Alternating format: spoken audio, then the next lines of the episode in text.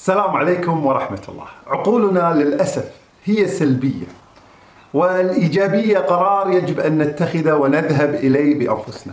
هرمون الأسترويد هو الهرمون الذي تفرزه عقولنا. وجد الباحثين أن عقولنا تفرز هذا الهرمون بكثرة إذا كان المشهد سلبي وتفرزه بقدر أقل إذا كان المشهد إيجابي. ولذلك عقولنا تستنهض في المشاهد السلبية وهذا خبر غير جيد. ولذلك كما قلنا نحن نميل للسلبية وعلينا أن نذهب للإيجابية باختيارنا.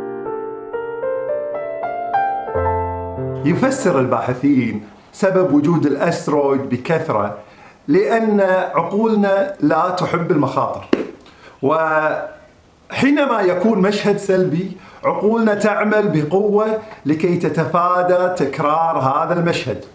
ولذلك يفرز هذا الهرمون لكي تتجنب عقولنا الوقوع في ذات الخطأ مرة أخرى.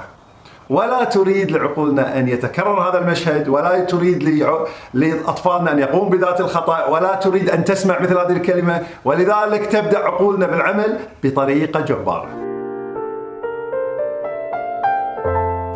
حين نشاهد مشهد سلبي ننزعج.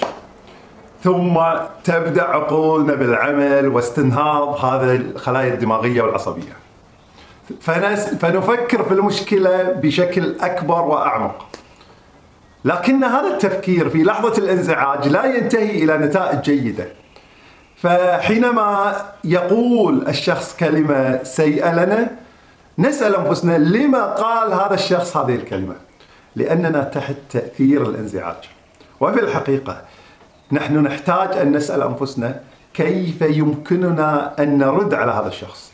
ما هي خياراتنا؟ ولذلك نحتاج أن نهدأ ونحتاج أن نذهب الانزعاج ثم نعود لاستخدام عقولنا بطريقة أخرى ومعدلة.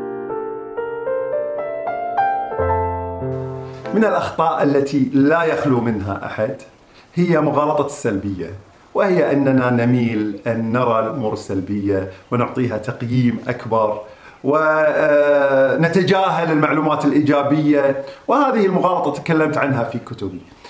هذه المغالطة يمكننا تجنب الوقوع فيها حينما نبتعد عن لحظة الإنزعاج. فنقول ها قد حصل ما حصل قال لنا الكلمة نجمع المعلومات ندونها ثم نفكر فيها في وقت مختلف جدا ونسأل أنفسنا الأسئلة المنطقية، لأن عقولنا تميل إلى تضخيم المعطيات السلبية وما قاله ونتجاهل ما نحن قمنا فيه ونتجاهل الأمور الإيجابية التي قام فيها الشخص الآخر.